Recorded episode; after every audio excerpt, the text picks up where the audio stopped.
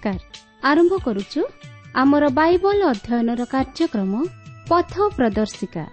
ପବିତ୍ର ବାଇବଲ କହେ ତୁମ୍ଭେ ସର୍ବାନ୍ତକରଣ ସହିତ ସଦାପ୍ରଭୁଙ୍କଠାରେ ବିଶ୍ୱାସ କର ଓ ନିଜ ସୁବିବେଚନାରେ ଆଉଜି ପଡ଼ ନାହିଁ। ଆପଣାର ସବୁ ଗତିରେ ତାହାଙ୍କୁ ସ୍ୱୀକାର କର। ତହିଁରେ ସେ ତୁମ୍ଭର ପଥ ସବୁ ସରଳ କରିବେ। ଆସନ୍ତୁ ସେହି ପଥ ପ୍ରଦର୍ଶକଙ୍କର ସନ୍ଧାନ ପାଇବା ନିମନ୍ତେ ଶୁଣିବା ବେତାର କାର୍ଯ୍ୟକ୍ରମ ପଥ ପ୍ରଦର୍ଶିକା।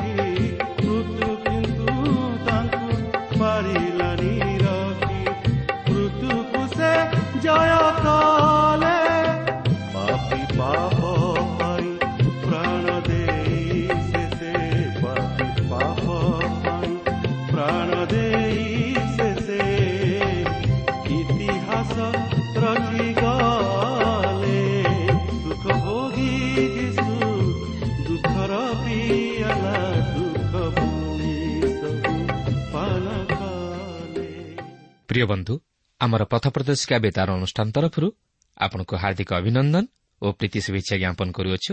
ପ୍ରଭୁ ଯୀଶୁଙ୍କ ବିଷୟରେ ଆପଣ ଯେ ବିଶେଷ ଆଗ୍ରହୀ ତାହା ଜାଣି ଆମେ ବିଶେଷ ଆନନ୍ଦିତ। ଆପଣଙ୍କର ପ୍ରାର୍ଥନାର ଅନୁରୋଧ ରକ୍ଷା କରି ଆମେ ଆପଣଙ୍କ ନିମନ୍ତେ ପ୍ରାର୍ଥନା କରୁଅଛୁ। ଆଉ ସେହି ପ୍ରଭୁ ଯୀଶୁ ନିଶ୍ଚିତ ଭାବରେ ଆପଣଙ୍କର ସମସ୍ୟା ସମାଧାନ କରିବେ। ଆପଣଙ୍କର ଯଦି କୌଣସି ପ୍ରକାର ପ୍ରଶ୍ନ ଥାଏ ତାହେଲେ ତାହା ଲେଖି ଜଣାଇଲେ। ଆମେ ଆପଣଙ୍କୁ ତାହା ପତ୍ର ମାଧ୍ୟମରେ ଜଣାଇପାରିବୁ ଆପଣଙ୍କର ଯଦି ପ୍ରାର୍ଥନାର କୌଣସି ଅନୁରୋଧ ରହିଅଛି କିମ୍ବା ସାକ୍ଷ୍ୟ ରହିଅଛି ତାହେଲେ ତାହା ଲେଖି ଜଣାଇବା ନିମନ୍ତେ ଅନୁରୋଧ। ଆମେ ଆପଣଙ୍କ ନିମନ୍ତେ ପ୍ରାର୍ଥନା କରୁଅଛୁ। ପ୍ରଭୁ ଯୀଶୁ ଆପଣଙ୍କୁ ଆଶୀର୍ବାଦ କରନ୍ତୁ। ଆସନ୍ତୁ ପ୍ରଭୁଙ୍କର ବାକ୍ୟ ମଧ୍ୟକୁ ଯିବା ପୂର୍ବରୁ ସଂକ୍ଷେପରେ ପ୍ରାର୍ଥନା କରିବା। ପ୍ରିୟ ପବିତ୍ର ପ୍ରଭୁ ତୁମର ପବିତ୍ର ନାମର ଧନ୍ୟବାଦ କରୁଅଛୁ ଯେ ତୁମେ ଆମମାନଙ୍କ ପରି ଅଯୋଗ୍ୟମାନଙ୍କୁ ଆଉ ଏକ ଦିନ ଦେଖିବା ପାଇଁ ସୁଯୋଗ ଦେଲ।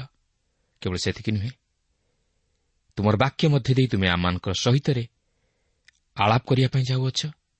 ଆଉ ସେଥିନିମନ୍ତେ ପ୍ରଭୁ ତୁମେ ଆମମାନଙ୍କୁ ଏକ ସରଳ ହୃଦୟ ଦାନ କର। ଆମମାନଙ୍କୁ ଏକ ଧୀର ସ୍ଥିର ଚିତ୍ତ ଦାନ କର।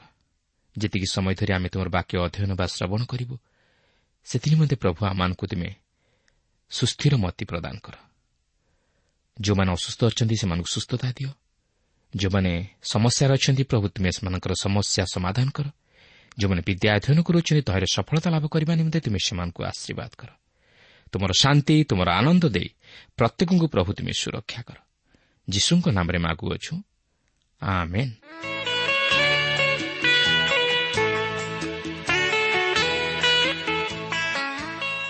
ଆଜି ଆମେ ଦ୍ୱିତୀୟ ବଂଶାବଳୀ ପୁସ୍ତକର ଦୁଇ ପର୍ବରୁ ଆରମ୍ଭ କରି ଚାରି ପର୍ବ ପର୍ଯ୍ୟନ୍ତ ଅଧ୍ୟୟନ କରିବାକୁ ଯିବା। ତେବେ ଆମେ ସମସ୍ତ ବିଷୟକୁ ପୁଙ୍ଖାନୁପୁଙ୍ଖ ଭାବେ ଅଧ୍ୟୟନ କରି ଆଲୋଚନା କରିବା ନାହିଁ ମାତ୍ର କେତେକ ଗୁରୁତ୍ୱପୂର୍ଣ୍ଣ ବିଷୟଗୁଡ଼ିକ ଉପରେ ଦୃଷ୍ଟି ଦେବା। ଆଜିର ମୁଖ୍ୟ ଆଲୋଚନାର ବିଷୟ ହେଉଛି ମନ୍ଦିର ନିର୍ମାଣ। ଏଠାରେ ମୁଁ ଆପଣଙ୍କୁ ସ୍ମରଣ କରାଇଦେବାକୁ ଚାହେଁ ଯେ ଗତ ପାଠରେ ଆମେ ରାଜା ସଲୋମନ କିପରି ରାଜା ହେଲେ ଓ ବୁଦ୍ଧି ନିମନ୍ତେ ପ୍ରାର୍ଥନା କରିବା ଦ୍ୱାରା ଈଶ୍ୱର କିପରି ତାହାଙ୍କୁ ଜ୍ଞାନ ଦେବା ସଙ୍ଗେ ସଙ୍ଗେ ଧନ ସମ୍ପତ୍ତିରେ ପରିପୂର୍ଣ୍ଣ କଲେ ତାହା ଲକ୍ଷ୍ୟ କରିଥିଲୁ। ମାତ୍ର ସଲୋମନ ଈଶ୍ୱରଙ୍କର ଅବାଧ୍ୟ ହେଲେ ଓ ଈଶ୍ୱର ଯାହା କରିବା ନିମନ୍ତେ ମନା କରିଥିଲେ ତାହା ହିଁ କଲେ। ସେ ଅନେକ ଅନେକ ଅଶ୍ୱ ରଖିଲେ ଅନେକ ଅନେକ ସୁନା ରୂପା ବଢ଼ାଇଲେ। ଏସବୁ କରିବା ଦ୍ୱାରା ସେ ଈଶ୍ୱରଙ୍କ ଆଜ୍ଞାର ବିରୁଦ୍ଧାଚରଣ କାର୍ଯ୍ୟ କଲେ ଓ ଈଶ୍ୱରଙ୍କର ଅସନ୍ତୋଷର ପାତ୍ର ହେଲେ। କିନ୍ତୁ ଆଜି ଆମେ ସଲମନ କିପରି ଈଶ୍ୱରଙ୍କ ଉଦ୍ଦେଶ୍ୟରେ ମନ୍ଦିର ନିର୍ମାଣ କଲେ ତାହା ଲକ୍ଷ୍ୟ କରିବାକୁ ଯିବା। ଦେଖନ୍ତୁ ଦ୍ୱିତୀୟ ବଂଶାବଳୀ ଦୁଇ ପର୍ବର ପ୍ରଥମ ଦୁଇ ପଦରେ ଏହିପରି ଲେଖା ଅଛି। ଅନନ୍ତର ସଲମନ ସଦାପ୍ରଭୁଙ୍କ ନାମ ଉଦ୍ଦେଶ୍ୟରେ ଏକ ଗୃହ ଓ ଆପଣା ରାଜ୍ୟ ପାଇଁ ଏକ ଗୃହ ନିର୍ମାଣ କରିବାକୁ ମନସ୍ଥ କଲେ। ପୁଣି ସଲମନ ଭାର ବହନାର୍ଥେ ସତୁରି ହଜାର ଲୋକ ଓ ପର୍ବତରେ ଅଶୀ ହଜାର କଟାଳି ଲୋକ ଓ ସେମାନଙ୍କ କାର୍ଯ୍ୟର ତତ୍ତ୍ୱାବଧାନ ନିମନ୍ତେ ତିନି ହଜାର ଛଅଶହ ଲୋକ ନିଯୁକ୍ତ କଲେ। ଲକ୍ଷ୍ୟ କରନ୍ତୁ ସଲମନ ବର୍ତ୍ତମାନ ମନ୍ଦିର ନିର୍ମାଣ ନିମନ୍ତେ ଆୟୋଜନ କରୁଅଛନ୍ତି। ଏହି ମନ୍ଦିର ନିର୍ମାଣ ମଧ୍ୟ ତାହାଙ୍କ ରାଜତ୍ୱର ଏକ ଅଂଶ ଥିଲା ଯାହାକି ଈଶ୍ୱର ଏଠାରେ ଗୁରୁତ୍ୱ ଦିଅନ୍ତି। ଦୁଇ ପର୍ବର ତିନି ପଦରେ ଲେଖା ଅଛି। ଆଉ ସଲମନ ସ୍ୱରର ରାଜା ହୁରମ୍ ନିକଟକୁ ଲୋକ ପଠାଇ କହିଲେ ଆପଣ ମୋ ପିତା ଦାଉଦଙ୍କ ପ୍ରତି ଯେପରି ବ୍ୟବହାର କରିଥିଲେ ଓ ତାଙ୍କ ବସତି ଗୃହର ନିର୍ମାଣ ନିମନ୍ତେ ଏରସ କାଷ୍ଠ ପଠାଇଥିଲେ ସେହିପରି ମୋ ପ୍ରତି ବ୍ୟବହାର କରନ୍ତୁ। ହିରମ୍ ଦାଉଦଙ୍କୁ ପ୍ରେମ କରୁଥିଲେ ଓ ଦାଉଦ ମଧ୍ୟ ହିରମଙ୍କୁ ପ୍ରେମ କରୁଥିଲେ। ତେଣୁ ଏହି କାରଣରୁ ସଲମନ ହିରମ ରାଜାଙ୍କୁ ସାହାଯ୍ୟ ପାଇଁ ନିବେଦନ କରନ୍ତି। କିନ୍ତୁ ମୁଁ ଭାବୁଛି ଯେ ହିରମଙ୍କର ସଲମନଙ୍କ ସହିତ ସମସ୍ୟା ଥିଲା ଯାହାକି ଆମେ ଦେଖିବାକୁ ପାରିବା। ସେ ଦାଉଦଙ୍କ ସହିତ ଅତି ଦୟାଳୁ ଥିଲେ ମାତ୍ର ସଲମନଙ୍କ ସହିତ ସମ୍ପର୍କ ସ୍ଥାପନ କରିବା ନେଇ ସେ ଅସୁବିଧାର ସମ୍ମୁଖୀନ ହୁଅନ୍ତି। ଚାରିପଦରେ ଲେଖା ଅଛି ଦେଖନ୍ତୁ ମୁଁ ସଦାପ୍ରଭୁ ମୋ ପରମେଶ୍ୱରଙ୍କ ନାମ ନିମନ୍ତେ ଗୋଟିଏ ଗୃହ ନିର୍ମାଣ କରିବାକୁ ଉଦ୍ୟତ ଅଛି। ତାହାଙ୍କ ସମ୍ମୁଖରେ ସୁଗନ୍ଧି ଧୂପ ଜଳାଇବା ପାଇଁ ଓ ନିତ୍ୟ ଦର୍ଶନୀୟ ରୋଟି ପାଇଁ ପ୍ରତି ପ୍ରଭାତରେ ଓ ସନ୍ଧ୍ୟାରେ ବିଶ୍ରାମ ବାରରେ ଓ ଅମାବାସ୍ୟାରେ ଓ ସଦାପ୍ରଭୁ ଆମମାନଙ୍କ ପରମେଶ୍ୱରଙ୍କ ନିରୂପିତ ପର୍ବ ସବୁରେ ହୋମବଳି ନିମନ୍ତେ ତାହା ମୁଁ ପ୍ରତିଷ୍ଠା କରିବି। ଏହା ଇସ୍ରାଏଲ୍ ପ୍ରତି ନିତ୍ୟ ଏକ ବିଧି ଅଟେ। ଦେଖନ୍ତୁ ସଲମନ ରାଜା ସେହି ମନ୍ଦିର ନିର୍ମାଣ କରିବା ନେଇ ତାହାଙ୍କର ମହତ୍ ଉଦ୍ଦେଶ୍ୟକୁ ପ୍ରକାଶ କରନ୍ତି। ସେହି ମନ୍ଦିର ମଧ୍ୟରେ ସୁଗନ୍ଧି ଧୂପ ଜଳାଇବା ହୋମବଳି ଉତ୍ସର୍ଗ କରିବା ଏକ ନିତ୍ୟ ବିଧି ରୂପେ ପାଳିତ ହେବାକୁ ଥିଲା। ପାଞ୍ଚ ପଦରେ ଲେଖା ଅଛି ଆଉ ମୁଁ ଯେଉଁ ଗୃହ ନିର୍ମାଣ କରିବି ତାହା ବୃହତ୍ ହେବ କାରଣ ସମସ୍ତ ଦେବତାଠାରୁ ଆମ୍ଭମାନଙ୍କ ପରମେଶ୍ୱର ମହାନ ଅଟନ୍ତି। ସଲମନଙ୍କ ନିମନ୍ତେ ଈଶ୍ୱର ହିଁ ମହାନ ଥିଲେ। ତେଣୁକରି ସେ ମହାନ ଈଶ୍ୱରଙ୍କ ନିମନ୍ତେ ଏକ ମହାନ ଗୃହ ନିର୍ମାଣ କରିଥିଲେ। ଆଜି ଆମମାନଙ୍କ ନିମନ୍ତେ କେଉଁ ବିଷୟ ମହାନ? ଆଜି ଆମେ କାହାକୁ ଆମ ଜୀବନରେ ମହାନ ବୋଲି ଗ୍ରହଣ କରିଅଛୁ ଓ କାହାକୁ ପ୍ରଧାନ ସ୍ଥାନ ଦେଇଅଛୁ? ସଲମନ ଈଶ୍ୱରଙ୍କ ନିମନ୍ତେ ଯେଉଁ ଗୃହଟି ନିର୍ମାଣ କଲେ ତହିଁ ଲାଗି ତାହାଙ୍କର ଖ୍ୟାତି ସମଗ୍ର ଜଗତରେ ବ୍ୟାପିଗଲା। କାହିଁକି? କେବଳ ଈଶ୍ୱରଙ୍କ ନିମନ୍ତେ। କୌଣସି ବ୍ୟକ୍ତି ବା ମଣ୍ଡଳୀ ବା ଜାତି ଯଦି ମହାନ ହୋଇଥାଏ ତାହେଲେ ତାହା କେବଳ ଈଶ୍ୱରଙ୍କ ନିମନ୍ତେ। ଛଅ ପଦରେ ଲେଖା ଅଛି ମାତ୍ର ତାହାଙ୍କ ନିମନ୍ତେ ଗୃହ ନିର୍ମାଣ କରିବାକୁ କିଏ ସମର୍ଥ? ଯେହେତୁ ସ୍ୱର୍ଗ ଓ ସ୍ୱର୍ଗର ସ୍ୱର୍ଗ ହିଁ ତାହାଙ୍କୁ ଧାରଣ କରିନପାରେ ତେବେ ମୁଁ କିଏ ଯେ ତାହାଙ୍କ ପାଇଁ ଗୃହ ନିର୍ମାଣ କରିବି? କେବଳ ତାହାଙ୍କ ସମ୍ମୁଖରେ ଧୂପ ଜଳାଇବା ପାଇଁ ତାହା କରିବି। ଏହା ଥିଲା ବଳିଦାନ ଯାହାଦ୍ୱାରା କି ସେମାନେ ଈଶ୍ୱରଙ୍କର ନିକଟବର୍ତ୍ତୀ ହେଉଥିଲେ ଆଜି କିନ୍ତୁ ଆପଣଙ୍କ ନିମନ୍ତେ ଓ ମୋ ନିମନ୍ତେ ଏକମାତ୍ର ଉପାୟ ହେଉଛି ପ୍ରଭୁ ଯୀଶୁଖ୍ରୀଷ୍ଟଙ୍କର ସେହି କୃଷିୟ ବଳିଦାନ ଯାହା ମାଧ୍ୟମରେ ଆମେ ପିତା ଈଶ୍ୱରଙ୍କର ନିକଟବର୍ତ୍ତୀ ହେଉ। କିନ୍ତୁ ଏଠାରେ ଗୁରୁତ୍ୱପୂର୍ଣ୍ଣ ବିଷୟ ହେଉଛି ଈଶ୍ୱରଙ୍କ ବିଷୟ ନେଇ ସଲମନଙ୍କ ମନରେ କୌଣସି ସନ୍ଦେହ ନଥିଲା। କିନ୍ତୁ ସେ ଏପରି କହିବା ଦ୍ୱାରା ଈଶ୍ୱରଙ୍କୁ ସୀମିତ କରନ୍ତି ନାହିଁ କି କୌଣସି ଏକ ସ୍ଥାନ ମଧ୍ୟରେ ସୀମିତ କରନ୍ତି ନାହିଁ। ଆଜି ଅନେକ ଲୋକ ଈଶ୍ୱରଙ୍କୁ କେବଳ ମନ୍ଦିର ମଧ୍ୟରେ ବା କୌଣସି ଏକ ସ୍ଥାନରେ ସୀମିତ କରିଦିଅନ୍ତି। କିନ୍ତୁ ସଲମନ ସେପରି ଚିନ୍ତା କରନ୍ତି ନାହିଁ। ମାତ୍ର ସେ ମନ୍ଦିର ନିର୍ମାଣ କରନ୍ତି ଯେପରି ସେ ଓ ତାହାଙ୍କର ଲୋକମାନେ ଈଶ୍ୱରଙ୍କୁ ଉପାସନା କରି ତାହାଙ୍କ ସହ ସହଭାଗିତା ସ୍ଥାପନ କରିପାରନ୍ତି। କାରଣ ମନ୍ଦିର ହେଉଛି ଈଶ୍ୱରଙ୍କର ଉପସ୍ଥିତିର ସ୍ଥାନ ଯେଉଁଠାରେ ସେ ତାହାଙ୍କର ସତ୍ୟ ଉପାସକମାନଙ୍କ ସହିତ ସାକ୍ଷାତ କରନ୍ତି। କିନ୍ତୁ ସେ ମନ୍ଦିର ମଧ୍ୟରେ ବାସ କରନ୍ତି ନାହିଁ। ସାତ ପଦରେ ଲେଖା ଅଛି ଏହେତୁ ମୋ ପିତା ଦାଉଦଙ୍କ ଦ୍ୱାରା ନିଯୁକ୍ତ ଯେଉଁ ନିପୁଣ ଲୋକମାନେ ଜିହୁଦାରେ ଓ ଜିରୁସାଲାମରେ ମୋ ନିକଟରେ ଅଛନ୍ତି ସେମାନଙ୍କ ସଙ୍ଗେ ସୁନା ଓ ରୂପା ଓ ପିତ୍ତଳ ଓ ଲୁହା ଓ ଧୂମ୍ର ଓ ସିନ୍ଦୁର ଓ ନୀଳ ସୂତ୍ରର କର୍ମରେ ଓ ସର୍ବପ୍ରକାର ଖୋଦନ କର୍ମରେ ନିପୁଣ ଏକ ଲୋକକୁ ମୋ କତିକି ପଠାଉନ୍ତୁ ଆପଣ ଦେଖନ୍ତୁ ସେମାନେ ଏହିପରି ନିପୁଣ ଶିଳ୍ପକରମାନଙ୍କୁ ବାହାରୁ ଆଣୁଥିଲେ କାରଣ ଇସ୍ରାଏଲୀୟମାନେ କୃଷକ ଶ୍ରେଣୀର ଲୋକ ଥିଲେ ଯାହାକି ଈଶ୍ୱର ସେହିପରି ଚାହିଁଥିଲେ। ତେଣୁକରି ସେମାନେ ଏହିପରି ଶିଳ୍ପକରମାନଙ୍କୁ ପାଇବା ପାଇଁ ହିରମକୁ ନିବେଦନ କରିଥିଲେ। ଆଠ ପଦରେ ଲେଖା ଅଛି ଆହୁରି ଲିବାନୋନ୍ରୁ ଏରସ କାଷ୍ଠ ଓ ଦେବଦାରୁ କାଷ୍ଠ ଓ ଚନ୍ଦନ କାଷ୍ଠ ମୋ କତିକି ପଠାନ୍ତୁ। କାରଣ ମୁଁ ଜାଣେ ଆପଣଙ୍କ ଦାସମାନେ ଲିବାନୋନ୍ରେ କାଷ୍ଠ କାଟିବାରେ ନିପୁଣ। ଅନ୍ୟ ଅର୍ଥରେ କହିବାକୁ ଗଲେ ସଲମନଙ୍କର ଲୋକମାନେ ସେମାନଙ୍କଠାରୁ ଶିଖିପାରିଥାନ୍ତି ଏହି ସମସ୍ତ ଦେବଦାରୁ କାଷ୍ଠ ଲିବାନୁନ୍ର ପ୍ରସିଦ୍ଧ କାଷ୍ଠ। ନଅ ପଦରେ ଲେଖା ଅଛି। ଆଉ ଦେଖନ୍ତୁ ମୋ ଦାସମାନେ ମଧ୍ୟ ପ୍ରଚୁର କାଷ୍ଠ ପ୍ରସ୍ତୁତ କରିବା ପାଇଁ ଆପଣଙ୍କ ଦାସମାନଙ୍କ ସଙ୍ଗେ ରହିବେ।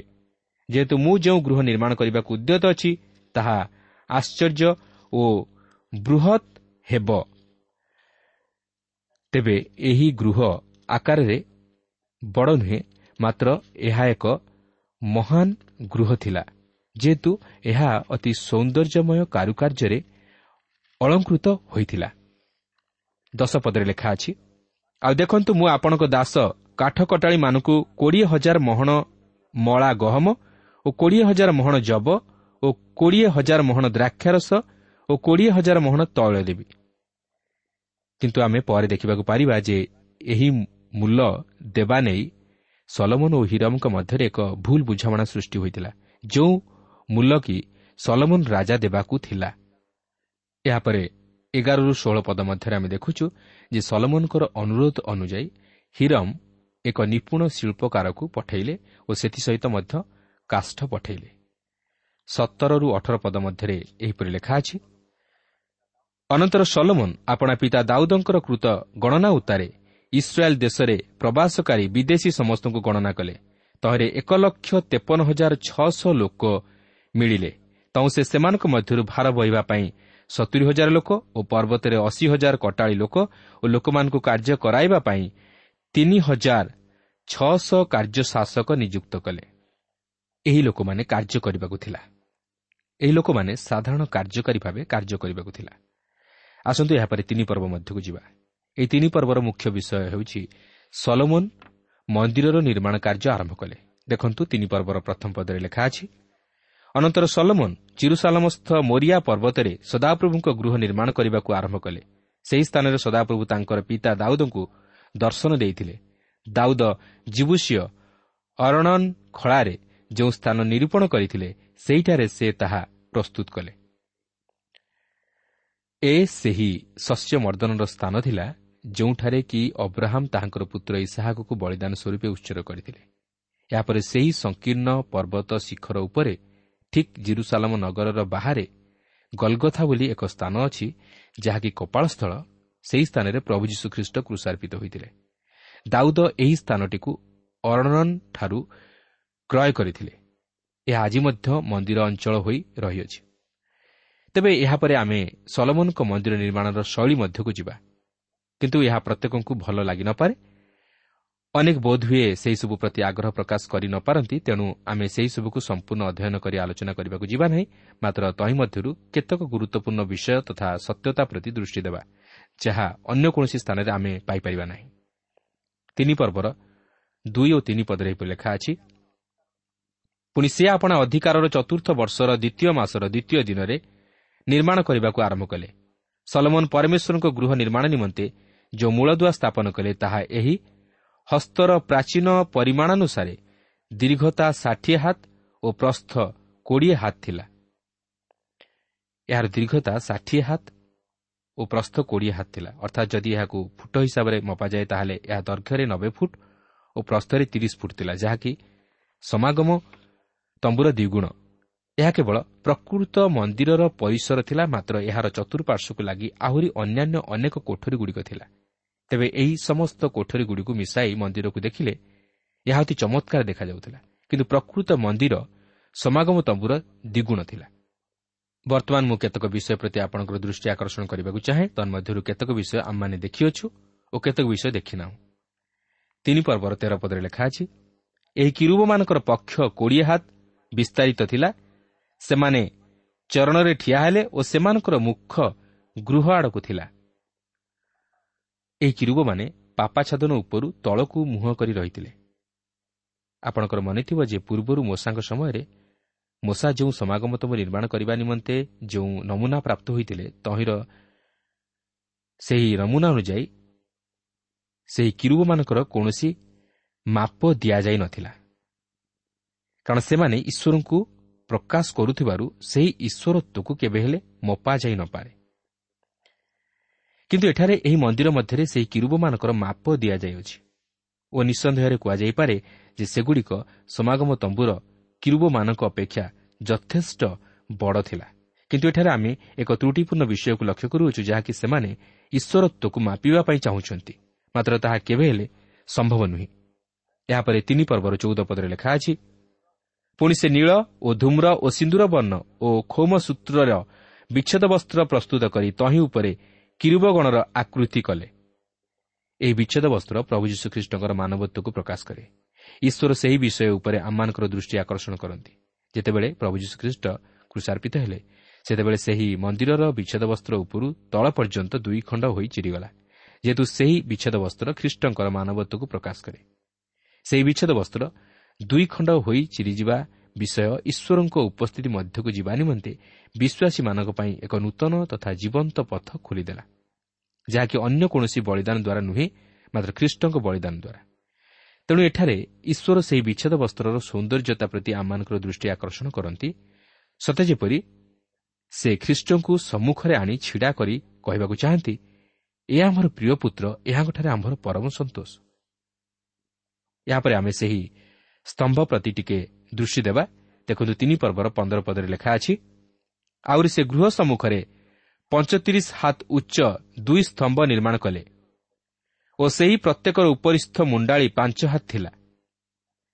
ଏହାର ଅର୍ଥ ହେଉଛି ଯେ ଗୃହର ଉଚ୍ଚତାଠାରୁ ଏହି ସ୍ତମ୍ଭଗୁଡ଼ିକର ଉଚ୍ଚତା ଅଧିକ ଉଚ୍ଚ ଥିଲା ଓ ଏହି ସ୍ତମ୍ଭ ଦୁଇଟି ଶକ୍ତି ଓ ଶୋଭାକୁ ଉପସ୍ଥାପିତ କରେ। ତେବେ ଏହି ଶକ୍ତି ଓ ଶୋଭା ବା ସୌନ୍ଦର୍ଯ୍ୟତାକୁ ଆଜିର ମନୁଷ୍ୟ ଭାବେ ଯେ ସେ ଅଧିକାର କରିଅଛି। ଆମେ ନିଜର ଶକ୍ତି ନିମନ୍ତେ ଗର୍ବ କରୁ କିନ୍ତୁ ତଥାପି ଆମେ ନୀତି ନିୟମ ପାଳନ କରିବା ନିମନ୍ତେ ଅକ୍ଷମ ଆମେମାନେ ଭାବୁ ଯେ ଆମେମାନେ ଅତି ସୁନ୍ଦର କିନ୍ତୁ ଈଶ୍ୱର ଆମମାନଙ୍କର ବାହ୍ୟ ସୌନ୍ଦର୍ଯ୍ୟତାକୁ ଦେଖନ୍ତି ନାହିଁ ମାତ୍ର ଅନ୍ତରର ସୌନ୍ଦର୍ଯ୍ୟତାକୁ ଦେଖନ୍ତି ଈଶ୍ୱର ଶକ୍ତି ଓ ଶୋଭାକୁ ଅତି ଭଲ ପାଆନ୍ତି ମାତ୍ର ଏହା ଶାରୀରିକ ଶକ୍ତି ନୁହେଁ ବା ଶାରୀରିକ ଶୋଭା ନୁହେଁ କିନ୍ତୁ ଆତ୍ମିକ ସେହି ଦୁଇଟି ସ୍ତମ୍ଭ ମନ୍ଦିର ମଧ୍ୟରେ ଅତି ଚିତ୍ତାକର୍ଷକ ଥିଲା। ପରବର୍ତ୍ତୀ ଅଧ୍ୟାୟରେ ସେ ପୁନର୍ବାର ଏହି ଶକ୍ତି ଓ ଶୋଭାକୁ ପ୍ରକାଶ କରନ୍ତି। ପ୍ରିୟ ବନ୍ଧୁ ଆଜି ଯଦି ଆମେ ସେହି ଆତ୍ମିକ ଶକ୍ତି ଓ ଶୋଭାରେ ପରିପୂର୍ଣ୍ଣ ତାହେଲେ ଆମେ ଈଶ୍ୱରଙ୍କର ସନ୍ତୋଷ ଭାଜନ ହୋଇପାରିବା ଓ ଈଶ୍ୱରଙ୍କୁ ଉଚ୍ଚୀକୃତ କରିପାରିବା ଓ ଈଶ୍ୱରଙ୍କର ମହିମା ପ୍ରକାଶ କରିପାରିବା। ଏହାପରେ ତିନି ପର୍ବର ଷୋହଳ ପଦରେ ଲେଖା ଅଛି ଆଉ ସେ ଗର୍ଭାଗାରରେ ଜଞ୍ଜିର ନିର୍ମାଣ କରି ସେହି ସ୍ତମ୍ଭ ଉପରେ ରଖିଲେ ଓ ଏକଶହ ଡାଳିମ୍ବ ଆକୃତି କରି ସେହି ଜଞ୍ଜିର ଉପରେ ରଖିଲେ। ଈଶ୍ୱର ଏଠାରେ ଜଞ୍ଜିରକୁ ପ୍ରକାଶ କରନ୍ତି। ଏହି ଜଞ୍ଜିର କ'ଣ ଉପସ୍ଥାପିତ କରେ? ଇସ୍ରାଏଲ୍ ଜାତିର ଏକତାକୁ ଉପସ୍ଥାପିତ କରେ। ଏହି ଜଞ୍ଜିର ବ୍ୟକ୍ତିବିଶେଷଙ୍କର ଏକତାକୁ ପ୍ରକାଶ କରେ ଯାହାକି ଏକ ଗୋଷ୍ଠୀରେ ପରିଣତ ହୁଏ ଓ ଗୋଷ୍ଠୀ ପ୍ରକାରାନ୍ତରେ ଜାତିରେ ପରିଣତ ହୁଏ। ଈଶ୍ୱର ପ୍ରକୃତ ଏକତା ବିଷୟରେ ମନୋଯୋଗୀ ଅଟନ୍ତି କିନ୍ତୁ ଏହି ଏକତାର ଅଭାବ ବର୍ତ୍ତମାନ ଦେଖାଯାଏ। ଆପଣ ଦେଖନ୍ତୁ ନୂତନ ନିୟମରେ ଈଶ୍ୱର ଏକତାର ଏକ ଛବି ପ୍ରଦାନ କରନ୍ତି ଯାହାକି ଏପରିକି ଜଞ୍ଜିରଠାରୁ ମଧ୍ୟ ଉତ୍ତମ।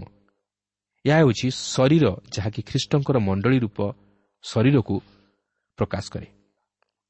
ଈଶ୍ୱର କହନ୍ତି ତାହାଙ୍କର ମଣ୍ଡଳୀ ହେଉଛି ଶରୀର ଓ ଖ୍ରୀଷ୍ଟ ହେଉଛନ୍ତି ମଣ୍ଡଳୀର ମସ୍ତକ। ଏକ ଶରୀରରେ ଅନେକ ଗୁଡ଼ିଏ ଅଙ୍ଗ ରହିଅଛି କେତେକ ଆଦର ଓ କେତେକ ଅନାଦର ନିମନ୍ତେ କିନ୍ତୁ ସେମାନେ ସମସ୍ତେ ଏକ ଶରୀରରେ ସଂଯୁକ୍ତ। ତାହା ହେଉଛି ମଣ୍ଡଳୀର ଛବି। ଲକ୍ଷ୍ୟ କରନ୍ତୁ ଡାଳିମ୍ବର ବ୍ୟବହାର। ଏକଶହ ଡାଳିମ୍ବ ସେହି ଜଞ୍ଜିର ଉପରେ ରଖାଯାଇଥିଲା। ମଧ୍ୟ ଆମେ ଚାରିପର୍ବର ତେର ପଦରେ ଦେଖୁ ଚାରି ହଜାର ଡାଳିମ୍ବର ବ୍ୟବହାର ନେଇ ସେଠାରେ ଉଲ୍ଲେଖ ହୋଇଅଛି। ଦେଖନ୍ତୁ ସେଠାରେ ଏହିପରି ଲେଖା ଅଛି ସେହି ଦୁଇ ଜାଲି କର୍ମ ନିମନ୍ତେ ଚାରିଶହ ଡାଳିମ୍ବ ଅର୍ଥାତ୍ ସ୍ତମ୍ଭ ଉପରିସ୍ଥ ମୁଣ୍ଡାଳିର ଦୁଇ ଗୋଲାକାର ଆଚ୍ଛାଦନାର୍ଥେ ପ୍ରତ୍ୟେକ ଜାଲିକର୍ମ ପାଇଁ ଦୁଇ ଦୁଇ ଧାଡ଼ି ଡାଳିମ୍ବ କଲେ। ତେବେ ଏହି ଡାଳିମ୍ବ କ'ଣ ଉପସ୍ଥାପିତ କରେ? ଏହା ଫଳବାନ ହେବାର ବିଷୟକୁ ପ୍ରକାଶ କରେ। ଆଉ ତାହା ହିଁ ଏହି ତିନି ପର୍ବର ଷୋହଳ ପଦରେ ପ୍ରକାଶ ପାଏ। ତେବେ ଏଠାରେ ସେହି ସମସ୍ତ ରଙ୍ଗକୁ ମୁଁ ବିଶେଷ ଭାବେ ପ୍ରକାଶ କରିନାହିଁ ତେଣୁ ଏଠାରେ ସେହି ବିଚ୍ଛେଦ ବସ୍ତ୍ରର ନୀଳ ଧୂମ୍ର ଓ ସିନ୍ଦୁର ବର୍ଣ୍ଣ ଓ ଖୋମସୂତ୍ର ଉପରେ କିଛି କହିବାକୁ ଚାହେଁ। ସେହି ନୀଳ ବର୍ଣ୍ଣ ଉର୍ଦ୍ଧ୍ୱସ୍ଥ ସ୍ୱର୍ଗର ବର୍ଣ୍ଣ ଅଟେ। ଧୂମ୍ର ବର୍ଣ୍ଣ ରାଜକୀୟ ବର୍ଣ୍ଣକୁ ଉପସ୍ଥାପିତ କରେ। ସେହି ସିନ୍ଦୁର ବର୍ଣ୍ଣ ପ୍ରଭୁ ଯୀଶୁଖ୍ରୀଷ୍ଟଙ୍କ ରକ୍ତ ଦ୍ୱାରା ଉଦ୍ଧାରର କାର୍ଯ୍ୟକୁ ଉପସ୍ଥାପିତ କରେ ଓ ସେହି ଖୋମସୂତ୍ର ପବିତ୍ର ଜୀବନଯାପନକୁ ପ୍ରକାଶ କରେ। ଈଶ୍ୱରଙ୍କ ଦୃଷ୍ଟିକୋଣରୁ ଏହି ସମସ୍ତ ବର୍ଣ୍ଣ ଅତି ଗୁରୁତ୍ୱପୂର୍ଣ୍ଣ କିନ୍ତୁ ଦୁଃଖର ବିଷୟ ମନ୍ଦିର ନିର୍ମାଣ ଶୈଳୀରେ ନୂତନ ପରିବର୍ତ୍ତନ ଓ ଏହାର ବାହ୍ୟ କାରୁକାର୍ଯ୍ୟ ଓ ବର୍ଦ୍ଧିତକରଣ ସମାଗମ ତମ୍ବୁର ବାସ୍ତବ ମୌଳିକତାକୁ କ୍ଷୁର୍ଣ୍ଣ କଲା ଓ ଖ୍ରୀଷ୍ଟଙ୍କ ନିଦର୍ଶନର ସରଳ ଭାବକୁ କ୍ଷୁର୍ଣ୍ଣ କଲା ତେଣୁକରି ନୂତନ ନିୟମରେ ଆମେ ଦେଖୁ ଯେ ମନ୍ଦିର ପରିବର୍ତ୍ତେ ସମାଗମ ତମ୍ବୁକୁ ନମୁନା ସ୍ୱରୂପେ ଏଭ୍ରି ପତ୍ରରେ ଉପସ୍ଥାପିତ କରାଯାଇଅଛି ଯାହାକି ଖ୍ରୀଷ୍ଟଙ୍କର ବ୍ୟକ୍ତିତ୍ୱକୁ ଓ ତାହାଙ୍କର କାର୍ଯ୍ୟକୁ ରୂପାୟିତ କରେ। ଏହାପରେ ଦ୍ୱିତୀୟ ବଂଶାବଳୀର ଚାରି ପର୍ବରେ ମଧ୍ୟ ଆମେ ଦେଖୁ ଯେ ସେହି ମନ୍ଦିର ନିର୍ମାଣ ନେଇ ଆଉ କେତେକ ବିଷୟ ପ୍ରକାଶ କରାଯାଇଅଛି। ତେବେ ମୁଁ ସେହିସବୁ ବିଷୟକୁ ପୁନର୍ବାର ଅଧ୍ୟୟନ କରିବା ପାଇଁ ଯାଉନାହିଁ। କିନ୍ତୁ ଏଠାରେ ମୁଁ କହି ରଖେ ଯେ ଆମେ ଏହି ସମସ୍ତ ଆଲୋଚନା ମଧ୍ୟ ଦେଇ ଏହି ଶିକ୍ଷା ପାଉଛୁ ଯେ ଖ୍ରୀଷ୍ଟ ହେଉଛନ୍ତି କେନ୍ଦ୍ରବିନ୍ଦୁ। ପୁରାତନ ନିୟମର ପ୍ରତ୍ୟେକଟି ବିଷୟ ଖ୍ରୀଷ୍ଟଙ୍କ ପ୍ରତି ଅଙ୍ଗୁଳି ନିର୍ଦ୍ଦେଶ କରେ। ଯିଏକି ଏହି ଜଗତକୁ ଆଗମନ କରି ବ୍ୟବସ୍ଥା ଅନୁଯାୟୀ ସମସ୍ତ ଧର୍ମକର୍ମ ସାଧନ କରି ଆମ୍ଭମାନଙ୍କ ନିମନ୍ତେ ଉଦ୍ଧାର ସାଧନ କଲେ ଓ ଈଶ୍ୱରଙ୍କ ଅନୁଗ୍ରହର ଅଧିକାରୀ କରାଇଲେ ଓ ସେ ସ୍ୱର୍ଗାରୋହଣ କରି ଈଶ୍ୱରଙ୍କ ସିଂହାସନର ଦକ୍ଷିଣ ପାର୍ଶ୍ୱରେ ଉପବେଶନ କରି ଆମ୍ଭମାନଙ୍କ ନିମନ୍ତେ ପିତା ଈଶ୍ୱରଙ୍କ ନିକଟରେ ନିତ୍ୟ ନିବେଦନ କରନ୍ତି। ଓ ପୁନର୍ବାର ଏହି ଜଗତକୁ ଆଗମନ କରିବାକୁ ଯାଉଅଛନ୍ତି ଏହି ଜଗତର ବିଚାର କରିବା ପାଇଁ। କିନ୍ତୁ ଆମେ କ'ଣ ସେଥି ନିମନ୍ତେ ପ୍ରସ୍ତୁତ ଅଛୁ କି? ଆମେ କ'ଣ ପୁରସ୍କାର ପାଇବାର ଯୋଗ୍ୟ ନା ସେହି ଅନନ୍ତ ନରକର ଯୋଗ୍ୟ? ସମୟ ଥାଉ ଥାଉ ଏଥି ନିମନ୍ତେ ସଚେତନ ହେଉ। ଯଦି ଆମେ ସଚେତନ ନ ହେଉ ତାହେଲେ ସମୟ ଆସିବ ଈଶ୍ୱର ଆମମାନଙ୍କର ବିଚାର କରିବେ। ସେତେବେଳେ ଆମମାନଙ୍କୁ କେହି ସାହାଯ୍ୟ କରିପାରିବେ ନାହିଁ। ଆମମାନେ କେବଳ ରକ୍ଷା ମଧ୍ୟ ପାଇପାରିବା ନାହିଁ। ତେଣୁ ଆସୁ ଯେ ଈଶ୍ୱରଙ୍କର ବାକ୍ୟ ଅଧ୍ୟୟନ କରିବା ସଙ୍ଗେ ସଙ୍ଗେ। ଈଶ୍ୱରଙ୍କ ବାକ୍ୟ ମଧ୍ୟରୁ ଗଭୀର ବିଷୟମାନ ଶିକ୍ଷା କରି ସେହି ବାକ୍ୟ ଅନୁଯାୟୀ ଜୀବନଯାପନ କରିବା ପାଇଁ ଚେଷ୍ଟା କରୁ ଏବଂ ବିଶେଷରେ ପ୍ରଭୁ ଯୀଶୁ ଖ୍ରୀଷ୍ଟଙ୍କୁ ନିଜର ହୃଦୟରେ ବ୍ୟକ୍ତିଗତ ଉଦ୍ଧାରକର୍ତ୍ତା ରୂପେ ଗ୍ରହଣ କରିବା ପାଇଁ ଚେଷ୍ଟା କରୁ। କାରଣ ସେହି ଖ୍ରୀଷ୍ଟଙ୍କ ବିନା ଆମମାନଙ୍କୁ କେହି ପାପରୁ ଉଦ୍ଧାର କରିପାରେ ନାହିଁ। ପୁରାତନ ନିୟମରେ ଆମେ ଯେଉଁ ସମସ୍ତ ବିଷୟ ଅଧ୍ୟୟନ କରୁଛୁ ସବୁକିଛି ସେହି ପ୍ରଭୁ ଯୀଶୁ ଖ୍ରୀଷ୍ଟଙ୍କ ପ୍ରତି ଅଙ୍ଗୁଳି ନିର୍ଦ୍ଦେଶ କରେ। କିନ୍ତୁ ଯଦି ଆମେ ଖ୍ରୀଷ୍ଟଙ୍କୁ ଗ୍ରହଣ କରିପାରୁନାହୁଁ ତାହେଲେ ଏହି ବାକ୍ୟ ଅଧ୍ୟୟନ ବା ଶ୍ରବଣ କରିବା ଆମମାନଙ୍କ ପକ୍ଷେ ବୃଦ୍ଧା ପ୍ରଭୁ ଚାହାନ୍ତି ଆମମାନଙ୍କଠାରୁ ବିଶ୍ୱାସ। ତେଣୁକରି ପ୍ରିୟ ବନ୍ଧୁ ପ୍ରଭୁ ଆମମାନଙ୍କୁ ଏହି ସୁଯୋଗ ଦେଉଛନ୍ତି ତାଙ୍କର ବାକ୍ୟ ମଧ୍ୟ ଦେଇ ତାଙ୍କର ନିକଟବର୍ତ୍ତୀ ହେବା ପାଇଁ। ତାହାଙ୍କୁ ଚିହ୍ନିବା ପାଇଁ ତାହାଙ୍କୁ ଜାଣିବା ପାଇଁ ଏବଂ ପାପରୁ ଉଦ୍ଧାର ପାଇବା ପାଇଁ।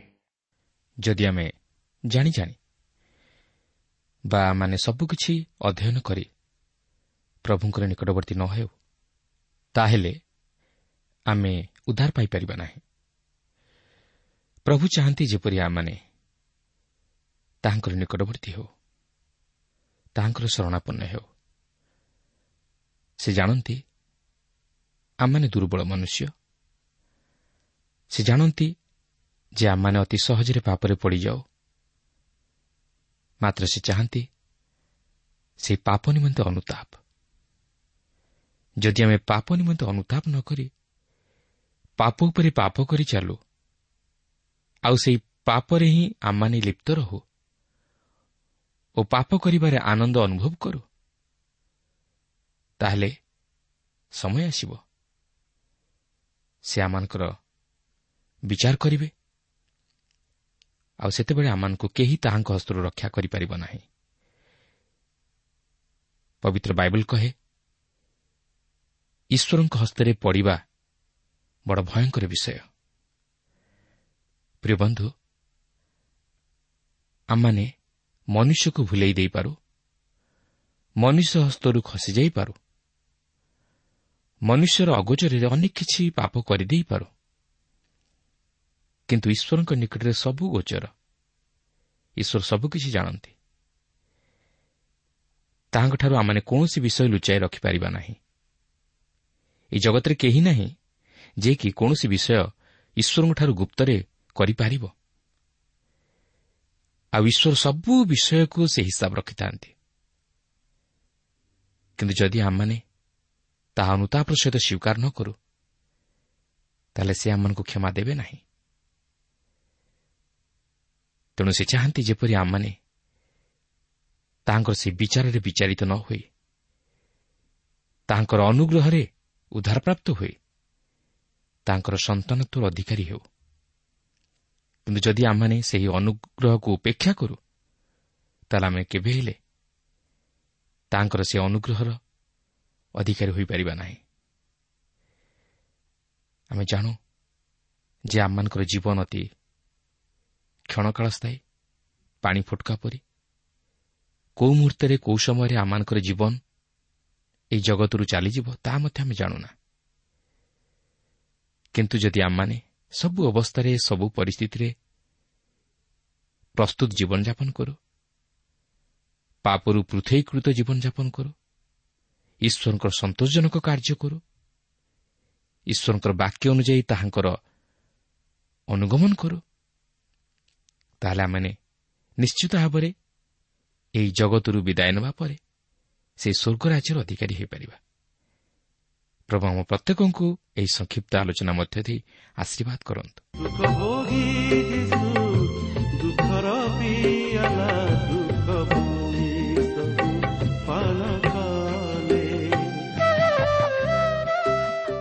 ପ୍ରିୟ ଶ୍ରୋତା ଆମର କାର୍ଯ୍ୟକ୍ରମ ନିୟମିତ ଶୁଣୁଥିବାରୁ ଅଶେଷ ଧନ୍ୟବାଦ।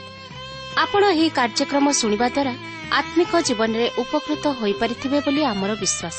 ପ୍ରଭୁ ଯୀଶୁଙ୍କ ବିଷୟରେ ଅଧିକ ଜାଣିବାର ଆଗ୍ରହ ଥିଲେ ଅଥବା ଉପାଦେୟ ପୁସ୍ତକର ଆବଶ୍ୟକ ଥିଲେ ଆମ ସହ ଯୋଗାଯୋଗ କରନ୍ତୁ।